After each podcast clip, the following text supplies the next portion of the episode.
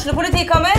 Ine Jansen er purk. Er du purk? The motherfucking bitch. Alt jeg vil, er å finne ut hva som skjedde med mannen min. Jon Carew. Er jeg sikta for noe? Iben Akeli. Det er du. Ole So, Lars Berrum og Big Daddy Karsten. Hvem sin side er du på, egentlig? Anette Hoff, Tone Danielsen, Kommer du fra Afrika?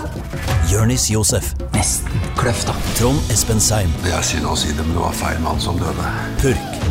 Premiere tirsdag på TV2 Play. Dyrisk desember med podkasten Villmarksliv. Hvorfor sparker elg fotball? Og hvor ligger hoggormen om vinteren? Og hva er grunnen til at bjørnebinna har seg med alle hannbjørnene i området? Svarene på dette og mye mer får du i podkasten Villmarkslivs julekalender Dyrisk desember, der du hører på podkast. SA-podden presenteres av Fleksi. Regnskap med et smil.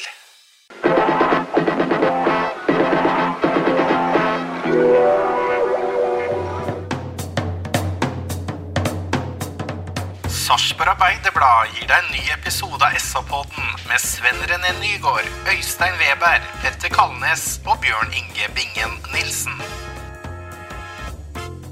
Da er eh, det klart for eh, sesongens eh, siste SA-pod, og da er det fotball på, på menyen. I studio sitter Tom Arild som vikar, med heldigvis Øystein Weberg, Sven René Nygård og Bjørn Inge Bingen Nilsen i, eh, i, eh, rundt bordet her. Og guttene, vi har gjort unna sesongens eh, siste match i eh, Bergen. Jeg vet dere har sånn WhatsApp-gruppe som det har tydeligvis koka greit i nå gjennom hele kvelden. Øystein, fyll oss inn her, da. Ja, nei, altså Vi har utveksla et sted mellom 40 og 50 meldinger tror jeg, i de siste to timene. Og det vil jeg bare si, altså at hvis, eh, hvis ikke Sven og Bingen feiger helt ut her nå, så tror jeg dette kan bli en veldig interessant pod, for de guttene snakker rett før levra, det skal jeg love deg. Det er derfor du bare sendte én melding, Weberg. Ja, jeg er mye mer Du forsiktig, slipper det, å snakke det, om det du vet du, skriver. det vet du. Ja, Åssen er det for å ta det, da? Ta med lytterne her inn litt også. Åssen er det altså, for så vidt en ubetydelig kamp, men når du sier at det koker 30-40 meldinger frem og tilbake på, på denne appen Sven, hva er det dere preker om? Hva er, hva er liksom headline her? Nei da, det, det går jo alt fra det seriøse, men vi er jo kamerater på Nappa, så vi har litt sånn useriøse ting. Men det går jo en del på det sportslige her, og tanker og meninger om enkeltspillere og hva som skjer underveis. og vi har, vi har mye gøy. Jeg kan bare dra fram en sånn morsom sak. Jeg, når Bingen eh, sier ganske kjapt at eh, nå må vi se å få signa Karamoko. Ja, for det var tidlig i kampen. Det, ja, det, det, det var vel ca. 40 sekunder før han egentlig var, han gikk rett i pølsebua. Så, så, det, så det er jo liksom Det blir jo det latter etter sånne ting, men eh, det er en del sånne ting hvor vi pleier å arrestere hverandre på hva vi har sagt, og så skjer det ting underveis etter hvert da, som eh, går helt motsatt vei av det vi prater om. Så nei, det er, vi har mye gøy. Ja, Vi skal sikkert komme tilbake til det, men Bingen fortsatt sugen på å signere Karamoko, eller? Sånn ja-nei-svar, egentlig? Ja. Ja, ok, greit. Eh, Jeg bet meg merke én ting. Eh, Etter forrige pod, eh, hvor du, Weber, skal tippe utfallet av kvalikmatchen i Fredrikstad. Jeg har veldig lyst til at du liksom løfter den ut, så den er på en måte ute av rommet med en gang. Skal du gjenta sjøl hva du tippa, så skal vi bare bekrefte overfor lytterne at du traff? Ja, det er to ting der egentlig, Tom Arild. En er at nå sitter jeg Altså ikke, trekker jo ikke deg inn i dette, her, men det er svært svært lavt nivå på de to andre når det gjelder tips. Så, så et, et riktig tips der fortjener jo egentlig å bli løfta fram. Og jeg sa at i den andre byen så ble det ekstraomganger og straffer. Så, så sånn var det. Jeg skal ikke gni deg noe mer i nå. Nei, de skal ikke det. Men Men alle sa vel det at KFM eh, kom til å gå seirende av banen. Ja, det var vel eh, for så vidt gjennomgangsmelodien. Ja, men jeg syns synes om. Weberen her er jo helt overlegen. Da. Ett resultat på Weber som har gått inn i år. og Det er klart det, det har vært 30 serierunder, så det er ikke så gærent, det. Nei. Litt om eh, over til matchen i dag. da Vi skal altså da til Bergen eh, spille en kamp som egentlig betyr null og niks for oss, annet enn eh, heder og ære. Det ble jo snakka litt om på forhånd her, eh, særlig fra Stabæk-leiren kanskje, at eh, man tenkte at uh, Sarp ikke hadde all verdens å spille for. Syns, uh, så det sånn ut i dag, Øystein? Ja, det, men litt til det siste du sier, eh, Tom Arild. Jeg legger merke til at de prøver å sette i gang med det som på godt norsk kanskje heter mind games før denne kampen, hvor, hvor, eh, hvor eh, det blir sagt at eh, vi får ikke noe hjelp fra Sarpsborg. De har eh, helt sikkert allerede tatt ferie, så vi må ordne dette selv, og sånn sier Stabæk. Jeg vil si at det er, eh, det er mulig det er mind games, men da, da vil jeg nesten eh, bruke en sånn gammel sketsj fra Statskanalen med Antonsen og Eia og, og Tufte, som drev med et eller annet på svært lavt nivå.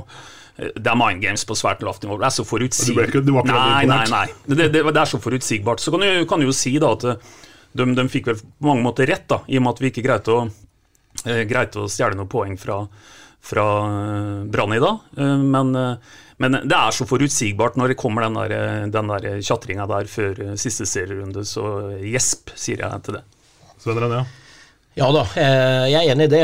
Nå er vel ikke mind på godt norsk, men på god, god engelsk antageligvis, Weber, eller åssen blir det? Ja. Jeg må arrestere den jeg kan, vet du. Nei da, den kampen i dag, den altså Første omgangen syns jeg vi er profesjonelle.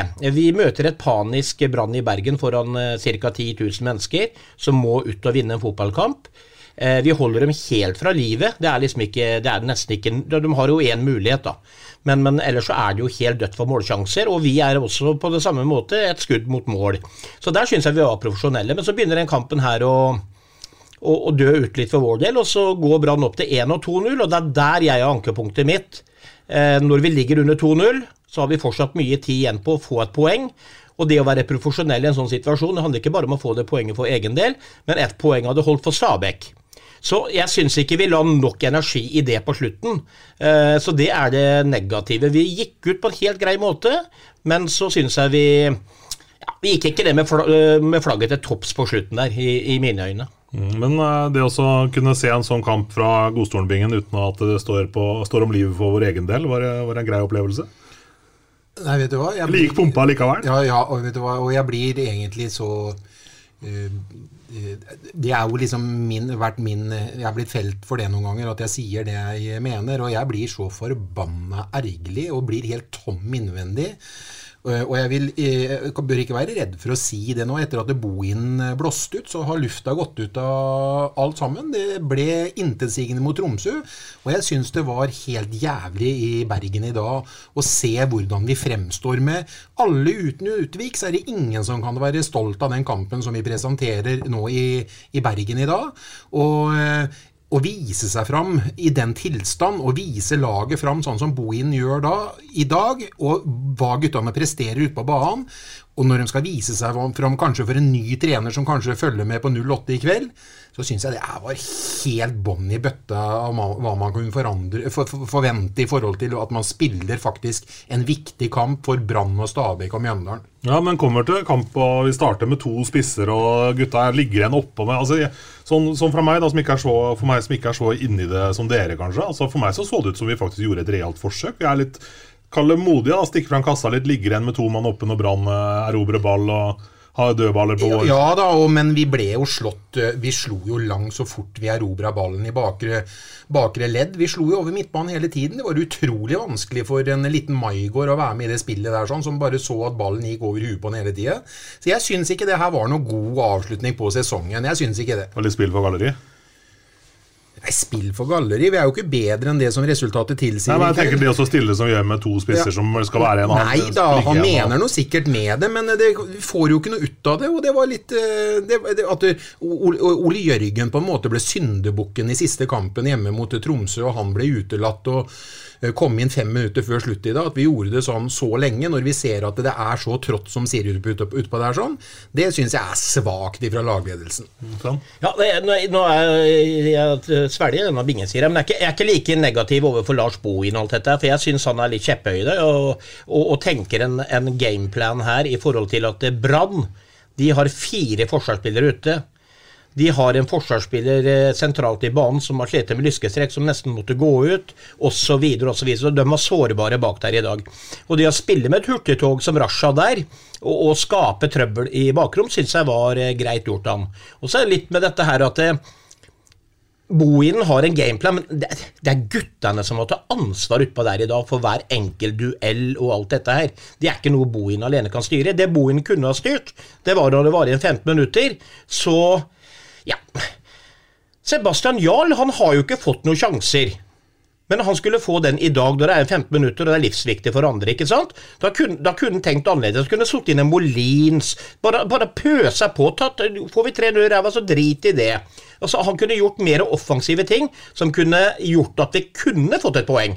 Men det blei svært, svært langt unna det etter hvert. Hva tenker du, Øystein? Nei, jeg tenker eh, litt som, eh, som Sven her, og jeg vil vel i hvert fall si at jeg skjønner ingenting av altså Hvis byttene på en måte skal gi meg noe, noe input om å tolke litt i forhold til hvordan ting ser ut på både kontraktsfront og alt mulig, så, og da må en jo legge til at eh, dette kan jeg ikke mer om enn det jeg leser i avisa, så så, så, skjønner jeg ikke veldig mye av, av de eh, byttene. Eh, nå har ikke Jarl spilla på lenge. Jeg har vært en av dem som mente at vi kunne brukt denne høsten til å spille inn han. Men så har jeg jo samtidig lest at han er jo ikke aktuell videre, og da da stusser jeg over at vi da egentlig prioriterer å gi spilletid til folk som eventuelt ikke skal være med i 22-sesongen. Så får vi se da om det står i avisa i morgen at denne saken har tatt en ny vending, og at det kanskje er det som er årsaken til det. Eh, jeg ser også at vi bytter bytta keeper på slutten av kampen i dag. Det er en veldig hyggelig gest til Simen Hvitu Nilsen. Men jeg vet ikke hvordan det blir oppfatta eh, ute. For, vi, må, vi, må, huske på det, at i dag så er vi en deltaker i det som for veldig mange er et spill om blodig alvor. Mm. Og, og, muligheten til å så gitt noen, noen minutter her, Sven, for litt sånn kall det lang og tro benketilværelse i år, det hadde vært hjemme mot Tromsø. Den kampen var jo helt totalt betydningsløs. Så det, det og, og, og, du nevner en Molins. Der har jo diskusjonen gått veldig mye på øh, kunstgressunderlag osv. I, I dag så spiller vi i Bergen, og hvorfor han er med bort dit og ikke spiller et eneste minutt det er også litt uh, pussig. Kanskje det betyr at i morgen så står det at den connection der er avslutta. Jeg vet ikke. Nei, Og så rakk jeg å gjøre noe som Bingen ikke kan gjøre. da. Jeg var innom sosiale medier, dvs. Si Facebook. Bingen vet jo ikke åssen han laster Har det ikke vært på Vipsi, da? Nei, han uh, får ikke lasta ned. Det er et eller annet med telefon. Men nå har det jo vært en evig mas om dagen med dette her Lars Bohin og videre og ikke videre, og gi den mannen ny kontrakt og alt dette her. Og det var litt pussig da, for når utover i kampen så begynte folk å mase om dårlig lagledelse og hva faen skjer, og, og det, det, var liksom en del av de folka da som har banna sverta på at dere Bohin han må få videre kontrakt. Mm. Så det var jo mange som reagerte på det ikke sant, og satte inn noen sånne lattertegn. Og, så, så fort forandrer dynamikken seg i idretten og i fotballen. Nå er det mange som er forbanna, og de, de, snur seg for kamp etter kamp. ikke sant? Så, men det er jo sjarmen, da. Mm. Mannens minne er veldig kort, da. Det er, vi får legge til det. De sier at på Borregaarden er det to timer. Ja, det er maks. og her hos meg er det én time ca. Men eh, jeg har lyst til å dra litt videre på den. Nå blir det jo kaotisk når folk får være med unnskyldt. Jeg kommer ikke til å gå gjennom sånn minutt for minutt som Kalnesen pleier å gjøre, for nå er det en oppsummering. vært en for så vidt Kjør løpet ditt ut, Mari. Uinteressant match sånn for, for min verden. Jeg, så en kamp hvor ja, altså, Åttendeplass ble det jo ikke sånn for oss. Og, og, hva som skjer derimellom, det er egentlig for en gjengs supporter som meg det er helt uinteressant. Men uh... Ja, og vi kan jo i hvert fall være enige om det. Altså, at uh, Det blir kanskje litt sånn selvmotsigelse i det. For vi har egentlig lengta etter å ha lav puls på slutten av en sesong og slippe oss å bite negler. Ref. Åråsen siste kamp i 2019 osv. Mm. Men jeg tror alle rundt bordet her er enige om at fotball er best når det betyr noe. Altså. Det, er, det er best når liksom, eh, det er noe som ligger i potten.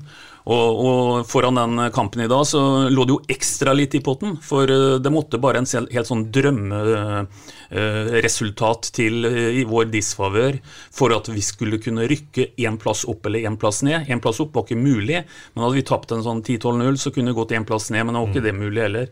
Så, så vi er jo spikra til åttendeplassen før, eh, før kampen, så, så, sånn sett så er fotball best med nerve, altså. Ja, men jeg, jeg mener, og jeg er helt enig i at åttendeplass ut ifra hvor vi var var det er eh, en, eh, en, bra plassering, det. Men jeg liker ikke måten vi fremstår på i dag. Vi skal liksom ikke skyve det under en stol at vi fremsto ikke som noe godt lag i dag. Vi fremsto som eh, et lag som vi nesten hadde kasta utpå der, sånn, som aldri hadde spilt sammen før. Sånn virka det som. Det var jo ikke noen kombinasjoner. Hvor er det løpa bak, bak midtbanen var? Og se på, se på Linseth, som har vært helt strålende. Det, det ser ut som han midt mistrives i den, eh, i den rollen han har i, i laget i dag. Han kommer jo ikke til sin rett i hele tatt. Og så er det jo selvfølgelig, som vi nevnte sist gang, Anton Saletros utgjorde en forskjell eh, på det laget her sånn når vi sanka 16 poeng på, på seks, kamper.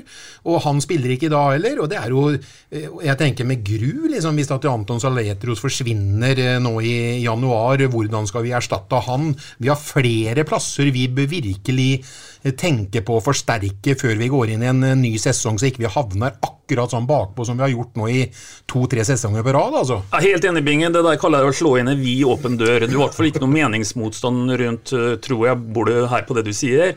Og, og vi får jo nå virkelig bevist um, uh, hva en Anton Saletros har betydd denne høsten her for, uh, for laget. For, eh, for eh, nå har han vært ute i to kamper, og vi fremstår som en, eh, en mye dårligere utgave som et eh, kollektiv. Så Anton er kjempeviktig, og da er det helt riktig som Bingen sier, at hvis det er han som står først i køen til å si ha det bra i, i januar, da må han erstattes. Og da, Det er jeg helt enig i, og han er jeg ganske sikker på vi må erstatte. og Det er tilbake til det jeg har sagt i mange podder. Nå kan vi ikke begynne å ha hovedfokus på unge talenter på 17-18 år. Må vi, da må vi ut og erstatte han. Eh, da må du, det, han. Og han koster penger, men vi får mye penger for de andre gutta vi selger. Så nå må vi inn og kjøpe kvalitet. Vi kan ikke bare eh, kjøpe noe for å bygge opp og se på sikt og ha noen og 20 spillere sånn. Nå må vi erstatte dem med ca. like gode spillere. Så må vi ha enda mer styrka tropp med enda flere gode, etablerte spillere, hva vi vet hva vi får. Så kan vi ta noen unge talenter, og så er det kontinuitet, kontinuitet, kontinuitet. Jeg hørte på Knutsen i dag. Altså, og alle vet jo det. Hvorfor har Bodø blitt så gode? Jo, de har gjort alt rett. Men én ting de i hvert fall har gjort, de bytter aldri ut en fotballspiller hvis ikke de må. De lager relasjoner på relasjoner på relasjoner. De spiller sammen når de ligger og sover i senga. Altså, De, de er der hele tida. Vi kan ikke drive og holde på sånn de gjør nå. Vi kan ikke pøse på med masse fotballspillere. Ha en stall hvor folk sitter på tribunen og ikke får være med i på benken engang. Det er i hvert fall min personlige mening, og nå har jeg sagt det for 30. gang sikkert. Kanskje noen snart hørapott? Nei, ja, men, eh, men eh, Nei, altså det, men, men, men det er jo tydelig at det er en oppskrift til suksess. Man ser jo det på andre eksempler. Og jeg tror, tror vel de fleste der ute er enig med meg at det, du kan ikke du kan ikke bare handle fem-seks unge, lovende fotballspillere og tro at de skal blomstre. Kanskje de gjør om to-tre år, men hva skjer fram til det? Altså, vi, vi, vi, altså, vi har supportere i byen som støtter dem i tykt og tynt, legger ned penger på bortekamper, gjør alt, ønsker 08 all verdens beste. De vil se så best mulig fotballag i byen. Og da er i hvert fall meninga mi at da må vi ha inn mer kvalitet, erstatte det vi mister, og forsterke. Og så må vi begynne å finne finne trener, og så må vi spille med det gutta kamp etter kamp etter kamp hvis de er gode nok. Men øh, skal man hente inn en erstatter for en spiller som Saletros, så er jo det klart Da snakker du nesten om å bytte likt, da, hvis du selger han. For å få Ja, ja. altså økonomisk, tenker jeg. Ja, ja. Altså, da, da tenker jeg at vi skal, vi skal ikke Vi kan ikke tjene på alle spillere. Nei, men Har ikke det vært litt av greia med 08? Jo, jo, jo. Det er sånn jo. man skal drifte klubben? Ja, ja, selger for 30 millioner, og så henter vi en som vi ikke vet uh, kommer til å komme på A-laget framover i tida, liksom, og koster ingenting. Så jeg mener jo at det man får for Saletros, det må man opp imot bruke på å hente en som, ja, som de andre laga, da. Se på Rosenborg, sånn, det er et dårlig eksempel med han det, Hva heter han for noe? Han Devicia, nei. Ja, altså han var jo nede på stadion, du bare så det osa kvalitet. Dro av tok han, smekka han opp i krysset, liksom. De koster litt mer penger, men vi må begynne kanskje å tenke litt sånn, i hvert fall på én eller to spillere. Han var vel ikke gamle gutten, han øh, Møller Wolfe i Brann i heller, som øh, lekte Eller hva han drev med på sida der? Nei, han var ikke gamle gutten, Og bare for å sparke litt til deg nå, Sven. Det disse lytterne ikke fikk med seg når du nå snakka om å hente uferdige talenter, det var at du peka litt bort på Bingen, men det Bingen var opptatt av, det var eventuelt å peke på en Vassberg. Vassberg, Barnebarnet ja. til, til, til selveste ikonet i, i- i Bergen. Kniksen. Kniksen. Eh, men når, Bingen og jeg snakker om det, Sven, og, og hente han, eh, da snakker vi ikke om å hente han som et eh, ikke sant? Da snakker vi ikke om å hente han som noen skal utvikle over tre-fire år. Da snakker vi om en som i 2022 vil være ferdig til å spille på, på laget. Hvis ikke så er jeg jo helt enig med deg. Da må vi, da må vi finne de 17-18-åringene her i byen. Men det er jo et uttrykk som heter at er du god nok, så er du gammel nok. Og det var derfor vi peka på en Jensen Vassberg, og ikke av noen annen grunn. Ikke som noe ut- utviklingsprosjekt. Nei da, men de unge gutta, Weber, det vet du av erfaring. altså Han er et kjempetalent, og han eh, Møller og eller Wolf er også et kjempetalent. Men det er unge spillere. eh, Miljøforandring det, det er ikke sikkert at ting funker helt eh, med det samme der heller. Men jeg syns vi skal ha et litt fokus nå på å erstatte kvalitet med kvalitet. Og så kanskje ta det nesten føre det å hente et ungt talent. da. At vi må få spikra de tinga aller, aller først. Det er iallfall min mening. Men det har vært mye prek om det der, eh, som jeg har fått med fra sidelinja i forhold til liksom 08s kalle manglende ivaretagelse av unge spillere. Altså Det gror jo godt, det ser vi jo nedover i, i laget her. sånn. Bingen, hva er klubben må, på en måte, hvilken oppfordring er det du har når du ser hva andre klubber driver med? Jeg holdt på å si hva advokater sier, er det er grunn til å tro, når Bohinen ikke fikk fortsette, at det var hans bane. Det er grunn til å tro, sier jeg. Hva jeg tror, betyr egentlig ikke noe. Men jeg har en følelse av at uh, Bohinen går ikke fordi at han har manglende resultater, men han har manglende resultater ved å utvikle gods eller gullet til, eh, til eh, Bergdølmo og Erland Johnsen og eh, Sander Solberg. Eh, det er der på en måte eh, dagens styre ønsker at vi skal være mer synlig, eller så faller jo det her helt i, i fisk. Bohin har ikke gjort noen ting igjen. Han har jo på en måte brukt faglærte eh, spillere og rullert veldig lite på laget. Utenom 15 mann så skal du lete lenge før du finner noen som har spilt i hans system.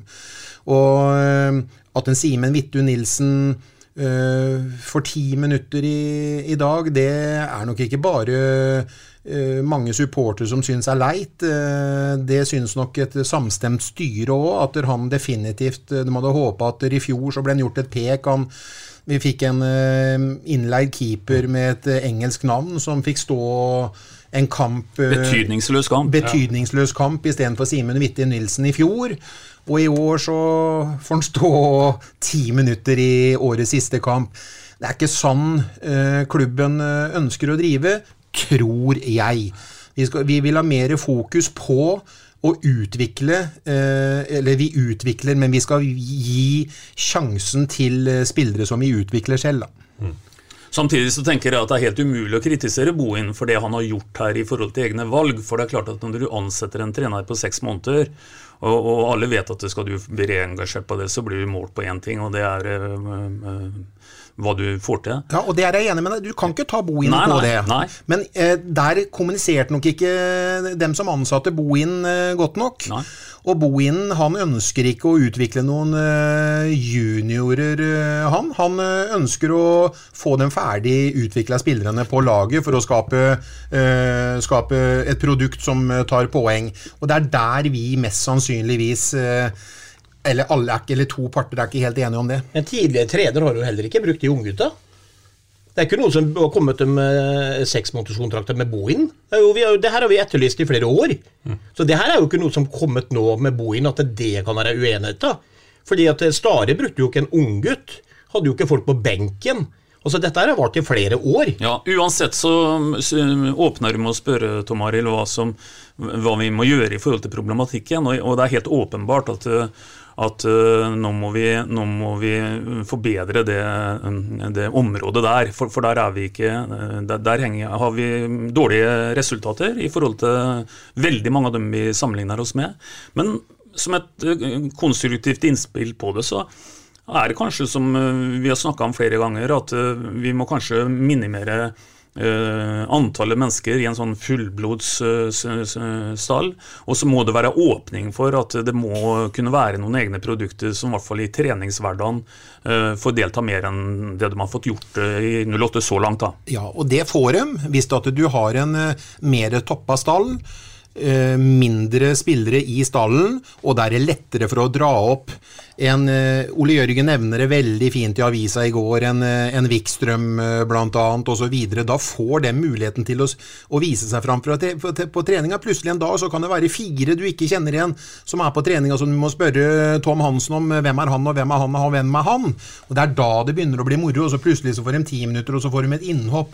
Eh, han, eh, han, eh, det, det kan godt hende det fins mange Jensen Vassberger rundt omkring i, i, eh, i distriktet, men poenget er ja, nå er noe, han noe ekstraordinært allikevel. Men uansett, du blir aldri utvikla hvis ikke du får muligheten. Og det er sånn du ser altså Han tar av når det er 20 minutter igjen i dag, eller 30 minutter igjen i dag, men du ser jo han har det. Han ønsker å ha ball, han er fintesterk, han er teknisk. Han utvikler seg, han koser seg på banen. Han blir bedre og bedre for hver gang han, øh, han, han øh, spiller. Og sånne talenter er noe vi er rike på. De er talenter, men hvis ikke de får muligheten, så får vi aldri se dem. Hva het den, han unggutten som gikk til start igjen? Nå sto det litt stille for meg, men eh, der har vi et sånn Dervis skader. Yes. Der har vi et kroneksempel. Altså, han går til start, forlanger å bli solgt, for han har ikke tålmodigheten til å prøve å kjempe seg inn. Men jeg tenker, talentet hans er udiskutabelt. eh, Men når en eh, spiller med et sånt talent ser at her, har jeg ikke noe, her får jeg ikke noe på uoversiktlig framtid, er det der er det det som er børgen i 08 nå? At Veldig godt ung, poeng. Ungdommene ikke har tru på det? Veldig, ja. Det, og det, det kjøper jeg. fordi at eh, når Bingen begynte å prate om det med Bohin, at eh, han ikke var enig med styret og bruke og Nei, du, husk på at det er min mening. Ja, ja, ja, ja, for, for, for Hans Petter Arnesen har jo lagt lokk på det der, så det her skal vi egentlig ikke prate om. Nei. Men uh, vi kan jo Ja, vi kan gjøre det likevel. allikevel. vi- vi kan prate om Men det. han ønsker jo at ikke det skal bli prata om. Det er jo en grunn, og den grunnen der, den lurer jeg på hver gang jeg ser uh, 08-logoen, jeg. Ja, men det er det, det hovedpoenget mitt, fordi at du, du kan godt være enig i det du, Bingen. Jeg skal ikke si at du ikke du har det. Uh, problemet er bare det at de har jo ikke vært føre heller. Altså Det er lang tid nå hvor ikke jeg har sett en egenprodusert unggutt kommet inn på banen. Og når Tom Arild sier det, så er jeg helt enig med han. Altså tenk deg det, da, å være en ordentlig, være aktør på gutte 16-landslag og alt dette her. Og gjøre det bra i kamper. Spille kanskje finale for gutte 16 i NM. Og så vet de én ting. Det er ingen av de talentene i Sarpsborg 08 den siste tida, de siste to, tre, fire åra som faktisk skal få prøve seg på A-laget. For en vei jeg har å gå. Hvilken motivasjon er det, da? Det, det, det er jo så demotiverende, så det holder antageligvis. Ja, og så, sier Berntsen at ja, vi prøvde å låne den ut. Men jeg tenker at som da spilleren tenker at det er jo ikke noe poeng for meg å bli lånt ut. Når jeg kommer tilbake, så er veien akkurat like lang. Er, det, er vi der, liksom? Ja, men nå vet jeg ikke om den, denne, denne spilleren som du nevnte der, sånn, altså eh, personligheten hans, eh, hvordan eh, han har takla ting, og hvordan eh, Nei, det kjenner du ikke næreste familie er, osv., osv. Der kan det jo være ugler i mosen hele veien. Men det er, mitt poeng er at det er masse, masse gode unge talenter i 08 som ikke har fått lov til å prøve seg opp gjennom de siste åra. Mens i de andre laga, som Stabæk og Brann, sånn, så har de tatt en sjanse. Og da sier du, vet du, til den der andre 20 i den der 16-årstallen Her er det muligheter, gutter! Og så vokser de. Og så er det en annen ting, og Tom Arild, du er jo inne på det at øh, hvis vi selger en Saletros, øh, så må vi kanskje nesten bytte i forhold til å handle, men er ikke 08s forretningsstrategi å tjene penger på nettopp spillesalg? Jo, det er det. Det er ett av inntektsbena. Men et annet inntektsben er jo akkurat det vi sitter og snakker om her nå. Det er jo det som gjør en en klubb som Sarp på sikt kan du si økonomisk bærekraftig. At vi greier å utvikle noen egne folk, og ikke hente et ferdig produkt ute på et marked som er gale-Mathias noen ganger når det gjelder overgangssummer. Så, så hadde vi fått dette til å funke, så er det jo vinn, vinn, vinn, vinn, det. Men, eh, men blir det ikke litt rart? her? Altså, nå tenker jeg altså Disse her unge afrikanerne som kommer hit, da, de blir jo henta for å utvikles, for å bli solgt en eller annen gang i framtida. Får spilletid, får muligheter, og så står uh, egne produkter og egentlig og er parkert. Det er jo uh det er jo det å få til en kombinasjon mellom det, Tom Arild, som hadde vært veldig, veldig fint. da. Eh, For afrikanerne, dem eh, har jo produsert ved to anledninger, kanskje med tre Nå husker jeg ikke, er det Krepin først, og så var det Kolibali? Er det noen flere da, eller? Nei, men uansett så tror jeg det gjelder å ha to tanker i hodet her, Ja, Tom Arild. For begge de tinga tror jeg vi skal greie å håndtere. Ja, nemlig. For, for, for når, vi, når vi henter en Krepin og når vi henter en Kolibali, eh, det er noe annet enn å enn å bare snakke, kall det talentutvikling. Det er altså å spille det på et så ekstremt høyt nivå at den, den modellen der er eh, interessant. Og det ene der bør egentlig ikke utelukke det andre. Det, det bør greie, en bør greie også å holde fullt fokus på intern talentutvikling, eh, uavhengig av akkurat det Afrika-prosjektet. Mm, ja, det er jeg enig i. Men eh, hva som skjer f.eks. i dag, ser vi at der, nå, nå tror jeg etter, etter en Anders Kristiansen nå, så mener jeg at 08 har signert tre keepere på profesjonell kontrakt.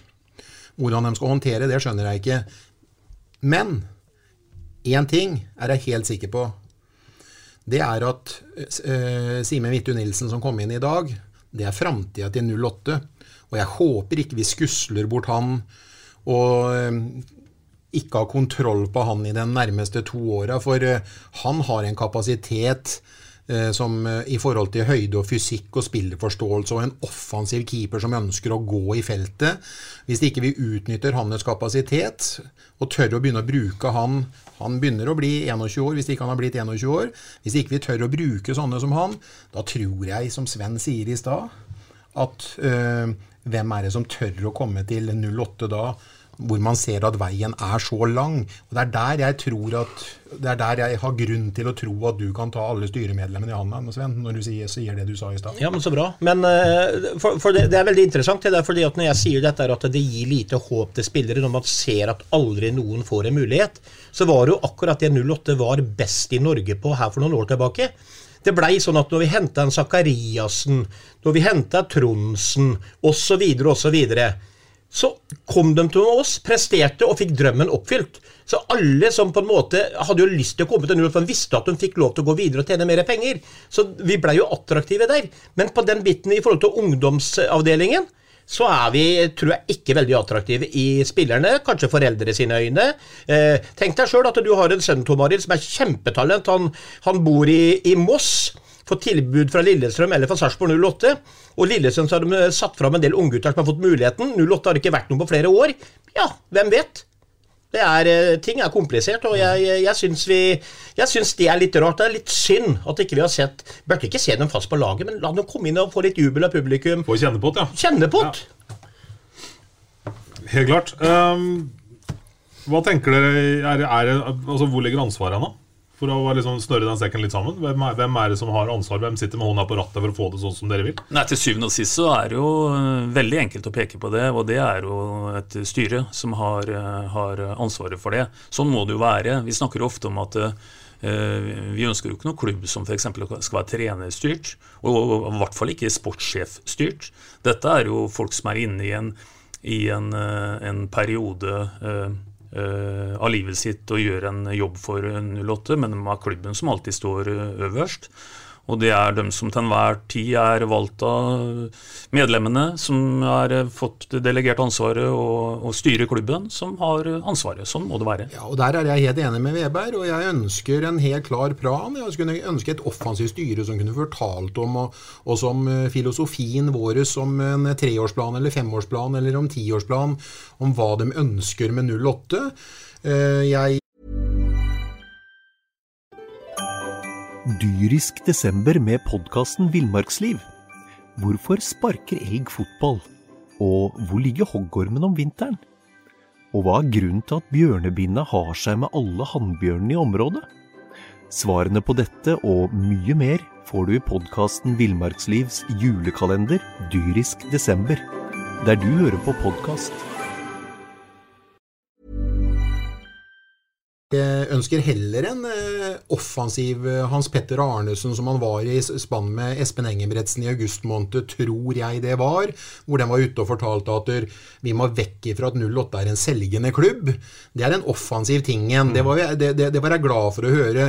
Heller det enn at den skal gå ut og dempe spekulasjonene om hvorfor Bohinen ikke trener, for den spekulasjonen lever fortsatt. Jeg ønsker en tydelig plan. Jeg ønsker et, et styre som er mer offensive. og en en klar uh, filosofi om hvor vi ønsker å være i framtiden. Og at, ikke, at, det er et dokument som kanskje lever allerede, vet jeg ikke. Men bør det være bare for uh, dem som er de 30 som er rundt i og på A-laget? Det vet jeg ikke. Og så er det jo en ting å si sånn i rettferdighetens navn, da, Tom Arild, og det er jo at den enkleste øvelsen er jo den vi bedriver. da. Vi sitter rundt her, og så sier vi som Sven at at uh, nå er vi nødt til å få inn kvalitet. Uh, vi kunne sagt at det er bedre å være rik og frisk enn fattig og syk. Det er klart Alle ønsker jo det. Det er jo ingen som ikke ønsker å få inn uh, kvalitet. Så det jobbes nok med disse tinga. Men noe av det som jeg syns har vært mest interessant nå på tampen av sesongen, og som, som jeg syns vi skal lytte litt til, det var når en Anton Saletros plutselig ble ganske frittalende og, og etterlyste dette her med at det er en, en, tråd i dette her, da, i forhold til hvordan klubben også rent sånn Uh, at det går an å tenke sånn. At, uh, at vi, skal praktisere den samme fotballen uansett hvilket nivå han spiller fotball på i 08. Så, så, folk kjenner til rollene sine. Og det er jo det Bodø-Glimt har gjort i flere tiår. Og det er sikkert noe av grunnen til, uh, grunnen til suksessen de har hatt også. Jeg syns det er rart at man ikke har en total rød tråd fra 16-årslag og eldre junior eller hva de heter, og opp til A-lag. For det, dette her begynte jo det er jo mange år siden. Altså, en, en, klubb eh, hadde en rød tråd i ungdomsavdelingen i forhold til A-laget. Så hvis ikke det er det, så syns jeg det er rart at ikke spillerne kan lære seg roller osv. Så, videre. så det Nei, Kai Andersen var jo her for seks uker siden, og han sier jo det at den røde tråden den er jo ikke der. Det er det første budskapet for å få det til å, å gå igjen. og når, når, man eh, sier det som fremtredende spiller, som Anton Saletros er, så er det jo grunn til å tro at der, avstand er for stor eh, mellom eh, det overordna organet styret da, i forhold til administrasjon og en, en, en spillertropp. Eh, er fall, da får du i hvert fall meg til å tenke sånn, når Anton Saletros tar bladet fra munnen og forteller det. Og så er det noe annet som også griper inn i det her, og som blir veldig spennende å se. Nå har vi altså akkurat vært i en gutte 16-finale i, i Norge. Og, og, da mener jo jeg og mange at det må være grunn til å håpe på at en del av dem som har vært uh, utgjort det produktet der, skal vi se igjen som, uh, som eliteseriespillere om noen år. I hvert fall hvis det er sånn at vi vil se igjen en del av dem som var på motstanderlaget om noen år. For da gjør jo noen andre noe annet og noe bedre enn det vi greier å på en måte gjøre sjøl. Og tross alt så skal jo en eliteserie også i 2028 bestå av masse norske spillere. Og det må jo være hovedsakelig de som nå er blant Norges beste 16-åringer. Så, så, det vi gjør fra nå av og fremover, det er jo et fantastisk utgangspunkt når vi snakker om at 16-åringene eh, i denne byen her er blant Norges beste 16-åringer. Det er et faktum. Ja, og da er jeg tilbake til det igjen som jeg sier. Altså, men for at de på en måte skal kunne Og Bingen har sagt det samme. Hvis de skal blomstre og bli eliteseriespillere for 08, så må de jo få lov til å prøve. Altså, De kan jo ikke aldri få sitte her på benken engang. Da, da tenker jeg at de får bare dra opp og hospitere og være med på bortekamper. Få litt innhopp, kanskje mye på vinteren en periode, osv. osv. For det er jo ingen tvil om at 08, når de er i en finale, så har de masse talenter. Og så er det jo en gang sånn da, at på et kull så kanskje én eller maks to av det der laget som er i en finale i NM, kan bli eliteseriespillere på sikt. Det er Så trangt er det Nåløy. Ja da, det er trangt, men da betyr det samtidig at eh, noen andre skal bli eliteseriespillere, som kanskje er nummer 18 eller 19 i den troppen der i dag, da, eller gikk den åttendelsfinale i denne cupen. Jeg mener at vi har i hvert fall et bra utgangspunkt når vi per dato har spilt en, en gutte 16-finale, uh, uten å være naiv i forhold til det. Mm. Ellers er det én ting til å si òg. Jeg er helt uh, enig i at vi får ta det litt sånn ukronologisk, Tom Arild. Takk for det. Jo, jo, men dette bidrar jo til alle sammen her. Eh, et, lite faktum. Vi, vi, skal jo på en måte både være kritiske, men så skal vi også være, eh, være Vi skal stikke fingrene i jorda òg, og vi skal være glad for det vi har. Og en ting som faktisk har skjedd i dag, som eh, ytterligere gjør den prestasjonen til 08 nå i et historisk perspektiv enda sterkere, det er at Stabæk gikk ned i dag. Og Det betyr at det nå er det faktisk bare seks lag igjen i Norge som har rekorden til Sarpsborg 08 når det gjelder nå å gå i gang med den tiende strake eliteseriesesongen. Så det er mange bra ting som ligger der, og vi har et bra utgangspunkt. Og nå gjelder det å forvalte det på best mulig måte. Men er det Eh, når du snakker om Bodø-Glimt, Sven, det var jo egentlig du som dro inn dette med den røde tråden. og, og sånne ting, Selv om en kan like heller å kalle den blå tråd, kanskje, når vi er i Sarp, så, så er Bodø-Glimt altså, det er en klubb med altså, en by som vi kan sammenligne oss med, en klubb av en størrelse vi kan sammenligne oss med, sikkert da litt sånn mentalitet som vi kan sammenligne oss med òg. Er, er, det sånn at vi må ha et styrevedtak som sier at den neste treneren vår skal faktisk jobbe sånn og sånn? Juniortrener skal jobbe sånn og sånn, eller er det, hvor er det, må vi ha det såpass klart? Eller kan man si at det er en forventning når man blir henta hit, at du skal bruke litt unggutter, men du gjør det som du vil? Men hvis du spør meg nå, spør så kunne jeg eh, ønska det sterkt. Et styrevedtak? Ja, altså, en plan, liksom? Ja, en plan. Altså, først, først så må, må man altså Såpass mye fotballfaglig kompetanse er i, i 08 at de ser spillemateriellet vi har i dag. Hvem kan spille i en sånn rolle, sånn rolle, hvem er god nok der, der, der. Så kan man bestemme seg for å ta, ta 4-3-3 som Knutsen spiller, da. Og så Han har jo skreddersydd en spillere til alle roller. Og Det han sikkert har gjort på trening og i underavdeling og de unggutta, de har trent på dette her på hver trening. Løpsmønster, ball i lengderetning. Altså pang, pang, pang, pang. Øvelse gjør mester. Så det mener jeg vi må finne en trener som kan spille det systemet klubben da ønsker å spille. Så må vi se har vi mannskap til det før man bestemmer det systemet. Har vi det, så må vi dyrke dem vi har, og så må vi hente rollespillere deretter.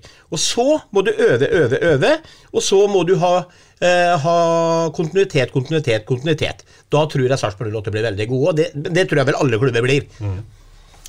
Jeg syns jo at det er helt uh, utrolig eh, inspirasjon i å se på Bodø-Glimt. Det har jeg sagt mange ganger før, men jeg syns at det kan vi gjenta. For, for det gir alle håp, vet du. Uh, når, du kan, når, du kan, være en, en, by i Norge da, som egentlig ikke engang er på størrelse med Sarpsborg, og så utrette det de har fått til der oppe.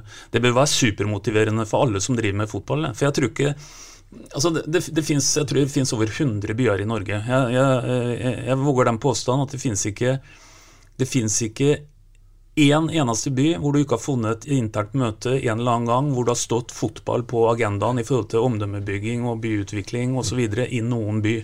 Det er, Alle vil strekke seg dit. Så, så, det er utrolig viktig at vi får til det vi får til. Og det, det er fantastisk inspirerende å se at en relativt liten klubb med moderate ressurser, må en kunne kalle det, i forhold til uh, noen andre større aktører, uh, har fått til det de har fått til der oppe. Mm. Uh, det her handler jo på mange måter litt om framtida til 08 sånn i litt sånn stort perspektiv. Men hvis man går litt, sånn, litt mer her og nå, da, ut fra hva vi så på Brann stadion i dag hva vi tenker i forhold til eh, det vi skal få oppleve neste år. Altså, hva, hva tenker dere sånn på kort sikt? Eh, kanskje litt sånn spontant på deg, da, Bingen, som gjerne vil ha med deg Karamoko videre. Hvordan skal laget se ut neste år? Hvordan ser byggverket ut i din, i din verden? Jeg syns det hadde vært veldig spennende, eh, og det sa Sven for et par podder siden. og jeg synes det hadde vært veldig spennende å sett kontinuiteten. Og da tenker jeg på at hvis man går ut ifra dem eh, ja, I hvert fall 14-15 av dem som har vært i troppen og som boinnen har brukt veldig mye. Hvis det skal på en måte være en stamme, så vet jeg at noen har utgående kontrakter, noen er de litt usikre på. Men hvis man vet at man øh, går videre med en kontinuitet som tross alt har vært med på og spilt en type fotball som har gjort at vi har klart å få Ender vi på 39 poeng, eller hvordan var det? 39 poeng. Mm. Eh, når vi var på en måte like akterutseilt en stund som eh, det Brann og de andre var, så syns jeg det hadde vært veldig spennende å blåse i gang neste sesong med en sann en stamme. Og så får vi bygge rundt den stammen. Noen har forbedrings... Eh, noen plasser på laget har forbedringspunkter. Kan det være naturlige kontrakter og spillere er på utgående, utgående, så er faktisk det det enkleste. Der må vi kunne forbedre oss. Da må vi forbedre oss. Da må vi forbedre oss. Han, han fornyer vi ikke. Ja vel, da må vi forbedre oss. Det er sånn vi må tenke. Og så ønsker jeg da at vi bygger stallen litt mindre, hvor det er enklere å synes som junior. Mm. Nå har jo du sportssjeferfaring. Eh, hva er det du ville prioritert? Hvilke egenskaper er det troppen mangler i dag, som du ser det? Hva eh, trenger vi ja, først og fremst neste år? Ja, altså når, når, vi, når, vi, gikk på skinner her en periode, så syns jeg vi så veldig gode ut. For da, da så det ut som Anton Saletros styrte voldsomt mye med sitt uh, hovmesterblikk, og han fikk løp uh, uh, foran seg osv. Uh, skulle jeg prioritert noe, så måtte det vært flere med et tempo som eh, f.eks. en Vikne, da, som kommer offensivt. Når vi ser dem for, for, å bygge det rundt Utvik fortsatt, hvis vi er så heldige at vi klarer å beholde en Utvik, så tror jeg vi skal klare oss ganske bra defensivt. Mm. Men vi skårer nok fortsatt litt for lite mål. Nå var Linseth utrolig kreativ en periode og fikk de måla han gjorde. Jeg er ikke like sikker på om vi får se det neste år. Men uh, tempo er nok noe jeg savner uh, i, i, et høyere tempo. Et høyere tempo når vi erobrer ballen, et høyere tempo når vi uh, går i lengderetning. vi har jo sett en, en Kone nå som har blitt dårligere og dårligere og dårligere i form utover sesongen som har gått. Og, og da mener jeg at hvor vi så han tidligere mye mer i bakrom, nå ønsker han kun å møte, og det blir vanskelig. Du kommer liksom i fanget på, på midtbanespillerne dine veldig ofte, da. Jeg ønsker at vi har mye mer muligheter når vi erobrer ballen, når vi spiller gjennom midtbane, at vi klarer å få skape oss posisjoner bak uh, forsvarsfireren eller treeren eller femmeren. At vi klarer å finne diagonalløp mellom en stopper og en bekk osv. At vi ønsker oss å strekke laget enda mer og ha høyere tempo i laget. Blir det mye nytt inn da, eller hvis du skal ha det sånn? Nei, det behøver ikke å være det, men det er jo selvfølgelig nøkkelpersoner og nøkkelspillere som, uh, som uh, vi må ha med videre. Og så er det noen som sagt som er på utgående kontrakt, og som kanskje ikke klarer å, å, du, å, å forhandle med, som kommer til å fortsette i, i 08.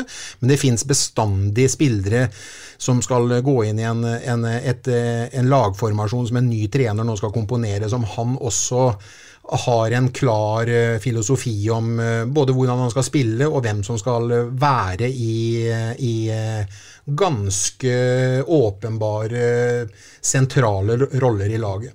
Jeg er spent på om Svein René kommer med hele lista her nå. Hvem som skal ut og hvem som Nei, skal nei, nei. eh, Det, det eneste jeg, det, ja, ja, men det eneste jeg kan si der sånn, det er jo det at eh, hvem som skal ut og hvem som skal inn. Det kommer helt an på det jeg sa tidligere. Hvordan fotball skal vi spille? Eh, skal vi eh, bare fable om en 4-3-3 som Bodø-Glimt, da? Hvis vi liksom ser Bodø-Glimt-laget foran oss. Hvor du er indreløperne kommer som kuler, og hvor kantene da løper fra resten av verden. Og så skal vi da Sånn vi så ut før i tida. skal vi kjøre egentlig. Dario på den ene kanten og Maigård på den andre? Altså, de, de springer jo ikke fra noen, de var bare kjappe i beina. ikke sant? Her, her handler det alt om hvilken spillestil vi skal ha. Så må du ha spillere etter den spillestilen. 4-3-3 er kanskje noe av det vanskeligste der du må ha mest ekstreme fotballspillere da, i de, de spesielle rollene. Sånn som du ser, sånn som Solbakken. Altså, Når, når Bodø-Glimt angriper med Solbakken, altså, hvor finner du en Solbakken? Du, han finner du ikke, men du må jo finne en som er rask som et olje av lyn. Det er noe av poenget med å kjøre overganger i 4-3-3 osv. Så, videre. så det kommer helt an på det. Det er derfor jeg sier det. Hva er det vi har? Hvilket system passer til? Hva kan vi bruke de spillerne vi har per i dag? Pluss forsterkninger. Og så finne en trener som er god på det systemet. Det er sånn tanke jeg har, da. Men, men det er ingen tvil Tom Aril, at uansett spillesystem, helt uavhengig av spillesystem, så har Bingen helt rett i at en av dem, for en, en profesjonell fotballspiller skal være god på mange parameter. Men skal du peke på ett parameter, så går det på tempo, så går det på hurtighet. Det er det som fotballen utvikles der hele tiden. Fotball har aldri gått så fort som man gjør i dag. Jeg vet ikke om man- noen av dere som så en sånn retrokamp, holdt jeg på å si. Det, det ble vist en kamp mellom Norge og Nederland i, under i Rotterdam vet du, i 92, foran landskampen nå. Og, og, og se på det, som bare fra den tida der, 30 år tilbake, hvor mye saktere alt gikk enn det det gjør i dag. Det skjer over hele fjæra. Så, så, så tempo er helt, helt, helt ubestridt eh, en viktig, viktig faktor. Og så er det en ting til å si òg. For mange vil si at når vi liksom snakker spillesystemer og sånn, så, så, så kan de på en måte bli litt sånn Det kan være litt sånn hørslutt, nesten litt sånn jålete på en måte. For vi skal ikke gjøre det mer komplisert enn det det er. Altså, En, en Bjørkamp, for å bruke igjen Bodø-Glimt, som kan gå av en uh, bekk som blir helt svimmel. eh, en, eh, en eh, spiller som vinner duellene sine, og ikke minst en, eh, en, eh, en lagspiller som alltid treffer kameraten sin med pasningen. Blir aldri umoderne, det. Kommer alltid til å gjelde det. Ja, det de koster penger. Ja, for det var et stykke mellom dem i dag, var det jeg skulle egentlig Nå bare si. nevner du to navn, da. På, nå nevner du Solbakken og Bjørkan. Altså, bare tenk på Du ville vel hatt alle sammen, egentlig? Hvis du kunne fått dem? Ja da, men poenget mitt er at, eh, poenget mitt er at eh, du skal ha noen mm, basisegenskaper som, som eh, gjør at eh, Altså, de beste de kan egentlig spille de fleste systemene, for, for de har noen basisegenskaper som eh, fotballspillere som, eh, som vil være viktige og ikke som. da.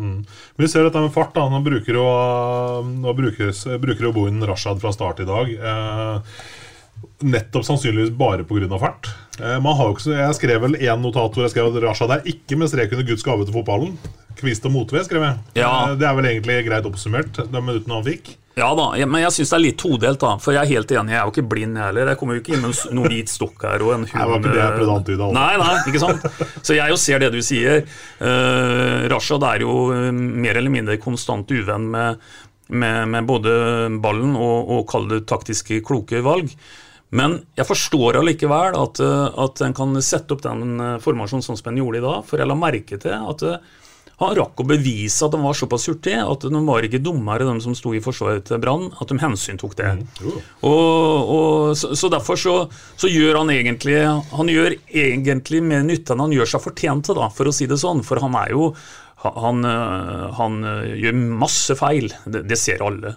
Men, øh, men der har en liksom på en måte allikevel et, et våpen som i fotball er spennende, altså når du kan løpe fra han som skal passe deg. Jeg skal være veldig kort nå. Ja, tanken var veldig god, og resultatet var ikke greit.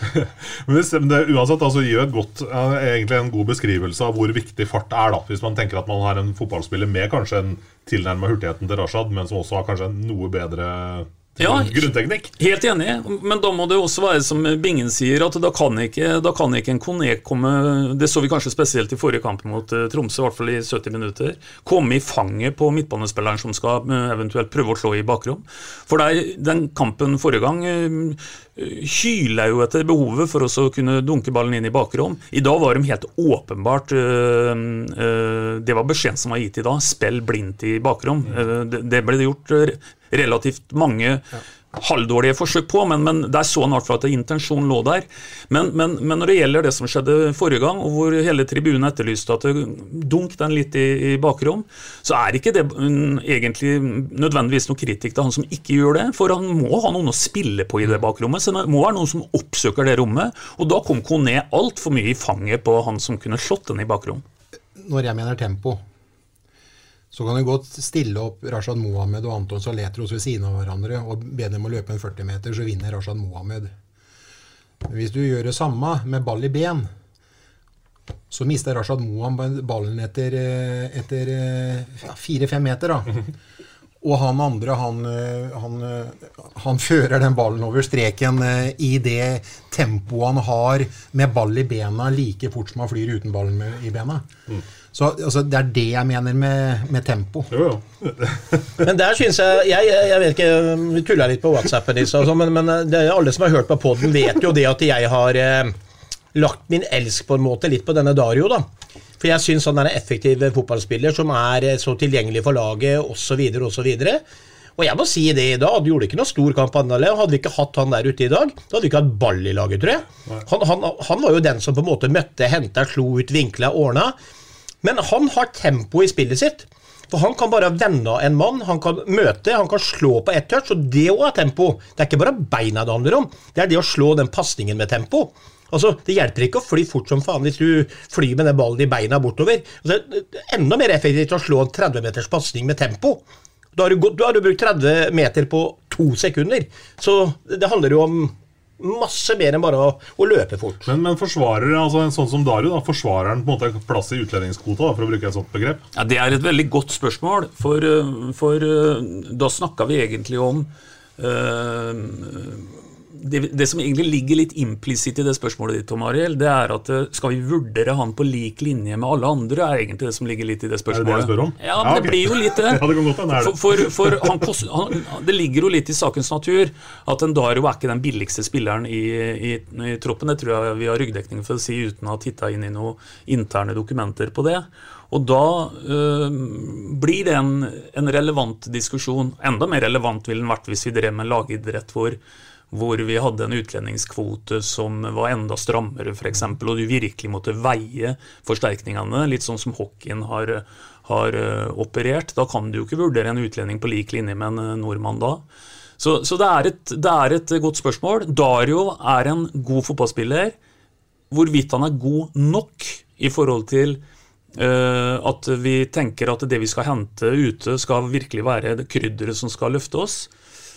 Tja, det kan det sikkert være delte meninger om. Jeg er ikke helt til å konkludere. Nei, han, eh, I mine øyne forsvarer jeg også sammen med Saletros Jeg snakker ikke om at han ikke forsvarer nei, nei, en plass i elven. Ja, ja. Men så har vi liksom masse andre ting som jeg også har tenkt på nå. Når går kontrakten til Gaute Vetti ut? Ett år til. Ja. Mm. Altså, Nå får vel 08 eh, betalt penger fra sykemeldingene, men altså, altså han deltar jo ikke. Altså, hvor, hvor, mange minutter har stakkars talentfulle Gaute Wetter spilt over de åra? Han tar opp en plass, på en måte. Han koster penger. Eh, helt sikker på at Bodø-Glimt i ettertid kanskje nesten er glad for at de ikke henta han. da, fordi at vi, vi alle vet jo dessverre det, at det, han er kanskje en av Norges desidert største fotballtalenter, men det hjelper svært lite når han rekker bare to kamper før han har lang skade igjen. Og her er det jo mye å rydde opp i.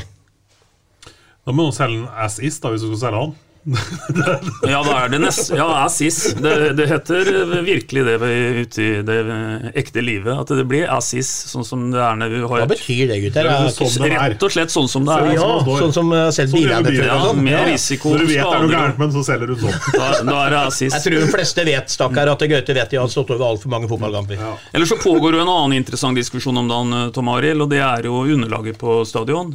Og der har en jo kommet opp i en eh, situasjon som er litt eh, spesiell. Eh, og jeg har ikke noen kompetanse til å mene noe om det underlaget, men det er interessant at bruker, brukeren av underlaget er relativt kritisk til det, mens, eh, mens en gruppe som skal se på det, og som har uh, innhenta alle mulige kall det fakta om dette her, hevder jo at underlaget eh, er bra. Eh, så kan en jo eh, stille seg spørsmål om eh, hvem skal en eh, lytte på, og skal en gjøre noen eh, grep. Det ligger tydeligvis ikke i nær framtid å, å bytte hele underlaget, men der har jo hatt også en del skadeproblematikk knytta til det, så det blir jo spennende. Men da mener du brukeren, da mener du Dem som ja, dem som, altså bortelaget òg. For, for det, jeg, jeg mener å ha lest det også, at det er faktisk bortelag som har sagt at det kunstgresset på stadion ikke er bra. Så det er liksom ikke bare 08-spillerne og, og, og dem som går ut og uttaler seg. Men jeg mener jeg har lest det et sted, så det er klart da ringer det enda flere bjeller. Og når en motstander som er vant til å spille tre fjerdedeler av kamper på kunstgress i Norge, kommer til stadion og sier fy faen, det gresset her, det er ikke helt greit. Så da er det jo noe som ikke stemmer. Men eh, skal vi bruke Nå skal dere velge, guttene, for tida går. Skal vi bruke noen minutter på kunstgress, eller skal vi eh, ta en liten runde på hvem dere vil ha inn som eh, trener til neste år? Trener. Ja, vi tar det siste, vi. For det lurer jeg fælt på. hva dere har, For der antar jeg at dere har spekulert og dividert noe alvorlig. Ja, nå skal vi jo kunne tippe noe resultat etter, etter sendingen. Nei, skal vi tippe Eller- trener? Vi tipper trener, ja. Vi må preke litt om det først. Altså, Er, er det noe ønskeliste her, eh, guttene? Er det noen rykter? Er det noe Åssen går eh, snakket i miljøet? Jeg er bare en voldsom følelse for at det, det blir eh, Jørgen Isnes fra KFM.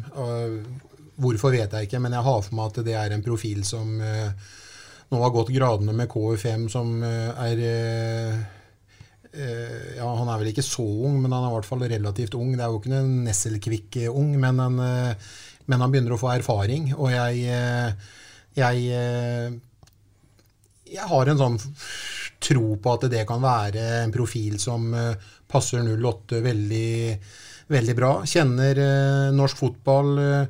Bor ikke langt unna, trenger ikke voldsomt apparat. Jeg vet ikke om han er gift engang, men liksom det er liksom ikke, du kommer ikke med pakke som vi skal sørge for å ha jobb og barnehaver og skoleplasser og alt som er. Det er en enkel Men jeg tror kanskje det kan være en fornuftig og en god løsning. Så Jørgen Isnes er mitt eh, tips. Veldig tips. Sven, ja. Jeg vet hva det der, jeg har egentlig ikke tenkt veldig mye på det, for jeg er veldig opptatt av at klubben først må bestemme seg hva de ønsker. Eh, hvordan vil klubben at 08 skal fremstå fotballmessig? Eh, men det er klart som har Binge sier, Jørgen han har jo altså han har jo ikke bevisst noen ting da i forhold til det øverste nivå. Men han må jo få lov til å prøve det en gang, så hvorfor ikke Sarpsborg 08 eventuelt? For det er klart, det han har gjort med KFM, det er jo helt sinnssykt. Altså, vi har jo sett dem i kvalikkamper, og de har gjort dette her en par år på rad. Og, men da får vi et spillende, morsomt fotballag antageligvis i byen, i hvert fall. at der, der går ikke på skinner på rent 4-3-3 hele tida. For der, altså Kanskje noen gråhåra Øystein og jeg er ganske grå, men eh, når de begynner, det er ikke som Åsane, men de kan jo være litt kjepphøye KFM også. De liker å holde ballen i laget. Men, eh, men det er selvfølgelig en fantastisk spennende eh, trener. og hvis om man ikke begynner i Sarpsborg 08, så ser vi jo han i Eliteserien snart uansett. Så Men kom et navn, Sven. Nei da. Eh, altså Det er kjempevanskelig. og Det er masse, masse rare tanker. Ja, men jeg skal komme med et navn Ja, du ikke har tenkt på nei, etterpå, men da må nei, du komme med et navn. Nei, altså, eh, bare tatt ut av det blå, hatt en type som Ove Røsler hadde vært spennende, men han er sikkert dyr. Eh, Da vet vi at vi får en med autoritet. Da står eh, Han står ikke med lua i hånda, og der blir ikke diktert noe som helst. Men slipper han til ungguttene? Nei, Det vet jeg fasik. Men da, hvis, hvis det er et styrevedtak på det, og han godtar det, så er jo det greit. Da Da må vi i hvert fall, i hvert fall ha dem på benken.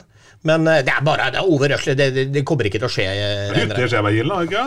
Jo, han har det. Trenger ikke flere argumenter enn det. Nå kommer Vebern med sitt tips. Nå er jeg Ja. spent på fasiten her. Ja, Fasit er det helt sikkert ikke. Det som kunne vært spennende, Tom Arild, er om det jeg sier nå, kommer til å påvirke den der lista som alltid ligger ute på sånne typer sosiale medier. For det som kjennetegner den, det er, noe, det er jo at den er ekstremt kort. Hver gang denne diskusjonen her kommer opp, så er det veldig lite, kall det, nye navn på sånne lister. Så da skal jeg kaste fram et navn som, eh, som for så vidt er en etablert uh, trener.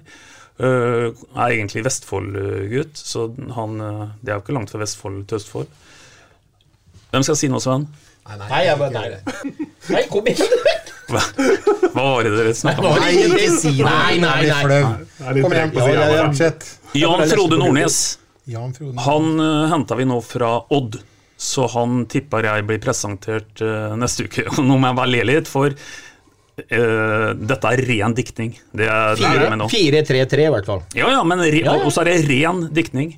Men jeg sier det. Jan Frode Nordnes. Her er det nesten Har du, lov til, du har lov til å mene noe du òg, Tom Arild, Ja, som er så dypt inne i idrettsverdenen. Hadde det vært hockeyens-vennene dine, skal jeg tatt deg på, på skolen. Men jeg har så dårlig kontroll på fotballtrenere som er arbeidsløse eller sugne på nye utfordringer. Så. Men jeg satt og fikk en sånn følelse at jeg satt og så på Maskorama nå, egentlig. Når du kommer trekkende med Nordnes og jeg sitter sånn stakkars. Ja, ja. Helt sånn, ja. Og så Ove Røsler oppå der, liksom. Det er, sånn, ja, ja. Nei da. Men det, Kanskje det hadde vært litt kult, at, at uh, 08 hadde arrangert dette som en slags mas, mas uh, Maskorama. Så satt vi i et sånt panel, og så gjetta vi og prøvde å lytte litt på spilleren osv., og, så videre, og så stemte vi fram den vi ville ha. Så hvis, hvis det har vært en sånn spekkhoggerfigur, så vet du hvem som har vært inni der. Det har vært han Keiko, vet du. Sånn, Ja. ja, Tom Nordli var det ingen som nevnte. Nei, Nei. Er det noe? Nei. Nei. Nei. Er? Nei. Nei. ok. Unnskyld, Tom. Nei, det blir nok, eh, Nord eh, det blir nok eh, Isnes. Men jeg må bare si til det Bingen sa, at jeg gråter heller ikke hvis det blir Isnes også. Og jeg syns at han i år har tatt også steg som trener, ja, for han har egentlig, syns jeg, blitt en mer pragmatiker med KFUM. Det nevnte jeg også sist, eh, foran den jettet hvor jeg sa vel at det skulle bli ekstraomgangsstraff. Ja, stemmer det, jeg sa det, ja, i, i en andre byen. Eh, For han har evna å ikke bare spille Tidligere så var han kjent for å være, være en veldig mm, ballbesittende mm, trener, og i tillegg, syns jeg, da, ta altfor store sjanser på egen banehalvdel. Det syns jeg han har justert på en fremragende måte. Og det han får ut av KFUM, som er inne på her, selv om Holmli er en talentfabrikk som mange kommer fra, det er superinteressant. Så Isnes hadde jeg eh, absolutt eh, vært fornøyd med hvis det hadde blitt resultatet. Vi går ut av sesongen med en uh, åttendeplass. Jeg tipper at vi hadde tatt den plasseringa sju av sju dager i uka hvis noen hadde spurt oss når det sto på som verst i eh, sesongstarten. her sånn. Så på en skala fra én til ti, hvor eh, fornøyd er vi sånn summa summarum med det som har blitt prestert i år? Så begynner jeg på bingen her, da. Nei, hadde vi sagt åttendeplass eh, før sesongen, så hadde jeg eh, sagt at dere hadde håpa på sjette, men jeg hadde vært fornøyd med åttende. Men eh, vi hadde jo et skikkelig oppgjør med oss sjøl her, hvor vi får eh, 16 poeng på, på seks kamper. Og det er jo det som gjør at vi kunne puste letta ut. For eh, vi har jo ellers hatt ganske, ganske dårlig form, for å si det helt ærlig. Så tålelig fornøyd. Ja, med åttendeplass er jeg det. Så Ja da, nei da, jeg kjemper med plassering av poengfangsten eh, er jeg veldig fornøyd. eh. Men det er klart det er jo som Bingen sier, det er de her seks kampene da som eh, redder den følelsen. For ser du sesongen totalt sett under ett, spillemessig osv., så, videre, så er jeg ikke fornøyd. Men poengene de kom, og de kom hurtig på kort tid. Og det definerer jo sesongen nå i ettertid. Og, så jeg er jo fornøyd, da. Ja, men jeg jeg er fornøyd, jeg jeg også. Og jeg vil si det at eh, vi skal huske på det at når vi eh, berger på målforskjell i 19, og vi, vi berger med å tape de fem første kampene i 20 og ha en elendig sesongavslutning, da er faktisk det logiske ofte, hvis en ser på historikken til en del andre lag, at en har blitt belønna med å gå ned. Vi greier å snu den trenden og ender på en åttendeplass. Og så er det alt det vi har sagt her i forhold til at eh, det er på tampen her at det virkelig blir fart i sakene. Men det å snu den trenden som en tross alt tabellmessig nå gjorde, med en åttendeplass, det hadde jeg tatt eh, sju dager i uka hvis jeg hadde fått det før seriestart. Det har vært eh, ille moro å høre på dere i hele sesongen, gutta. Det har vært ille koselig å sitte her og preke sammen med dere nå den siste for sesongen. Eh, så dere pleier jo å si at dere prekas med Runar. Jeg har lyst til å si at vi skal si god jul, jeg. Ja. Si det? Ja, god jul. Det kan vi godt gjøre. God jul. God god jul. til alle som hører på oss. SA-podden presenteres av Fleksi. Regnskap med et smil. Dyrisk desember med podkasten Villmarksliv. Hvorfor sparker elg fotball? Og hvor ligger hoggormen om vinteren? Og hva er grunnen til at bjørnebinna har seg med alle hannbjørnene i området? Svarene på dette og mye mer får du i podkasten Villmarkslivs julekalender dyrisk desember, der du hører på podkast. Ukens annonsør er HelloFresh. HelloFresh er verdens ledende matkasseleverandør og kan være redningen i en travel hverdag. Mange av oss har nok vandret i butikken både sultne og uten en plan for middagen, som ender med at vi går for de samme kjedelige rettene gang på gang. Middag burde være dagens høydepunkt. Som Hello Fresh kan du nå velge mellom 25 ulike retter hver eneste uke, eller få Hello Fresh til å sette sammen menyen for deg. Dette gir deg muligheten til å prøve nye og spennende retter alene eller sammen med familien. Du velger antall porsjoner og får alt levert på døren på et tidspunkt som passer for deg. Oppskriftene er enkle, og maten er lett å lage både for store og for små. Ved å få alt levert hjem får du også mer tid til å dele matgleden med familie og venner. Kanskje det frister med asiatiske tacos eller greskinspirert kylling? Da kan jeg anbefale deg om å gå inn på hellofresh.no. Her kan du bruke koden FOTBALL og få opptil 1779 kroner i rabatt på de første fem matkastene hvis du ikke har prøvd Hello Fresh tidligere. Du kan også bruke rabatten hvis du har vært kunde og stoppet abonnementet ditt for tolv måneder siden eller lengre. Gå inn på hellofresh.no og bruk koden FOTBALL. Har du et enkeltpersonforetak eller en liten bedrift? Da er du sikkert lei av å høre meg snakke om hvor enkelt det er med kvitteringer og bilag i fiken, så vi eh, gir oss her, vi. Fordi vi liker enkelt. Fiken superenkelt regnskap.